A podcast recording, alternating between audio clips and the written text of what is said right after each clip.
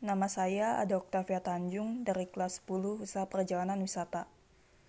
Saya akan menceritakan tentang bagaimana suasana tahun baru 2021 di masa pandemi di rumah saya.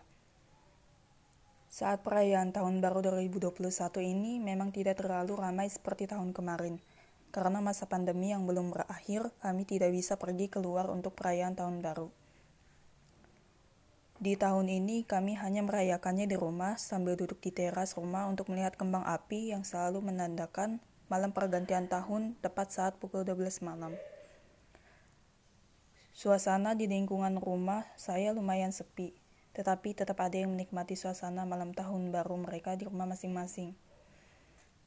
Walaupun sepi, tetapi kami bisa tetap menikmatinya bersama keluarga di rumah sambil melakukan ibadah perayaan tahun baru kami dengan bernyanyi dan berdoa supaya di tahun ini keadaan akan segera membaik dan pandemi COVID-19 akan segera hilang. Melihat langit yang penuh dengan kembang api yang indah dan suara-suara ledakan dari kembang api menghiasi malam tahun baru kami.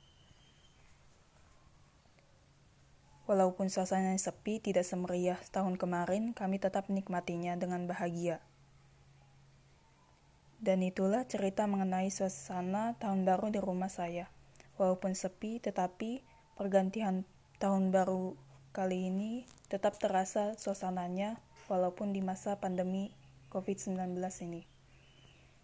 Sekian dari saya, apabila ada kesalahan kata dan pengucapan, kurang lebihnya saya mohon maaf.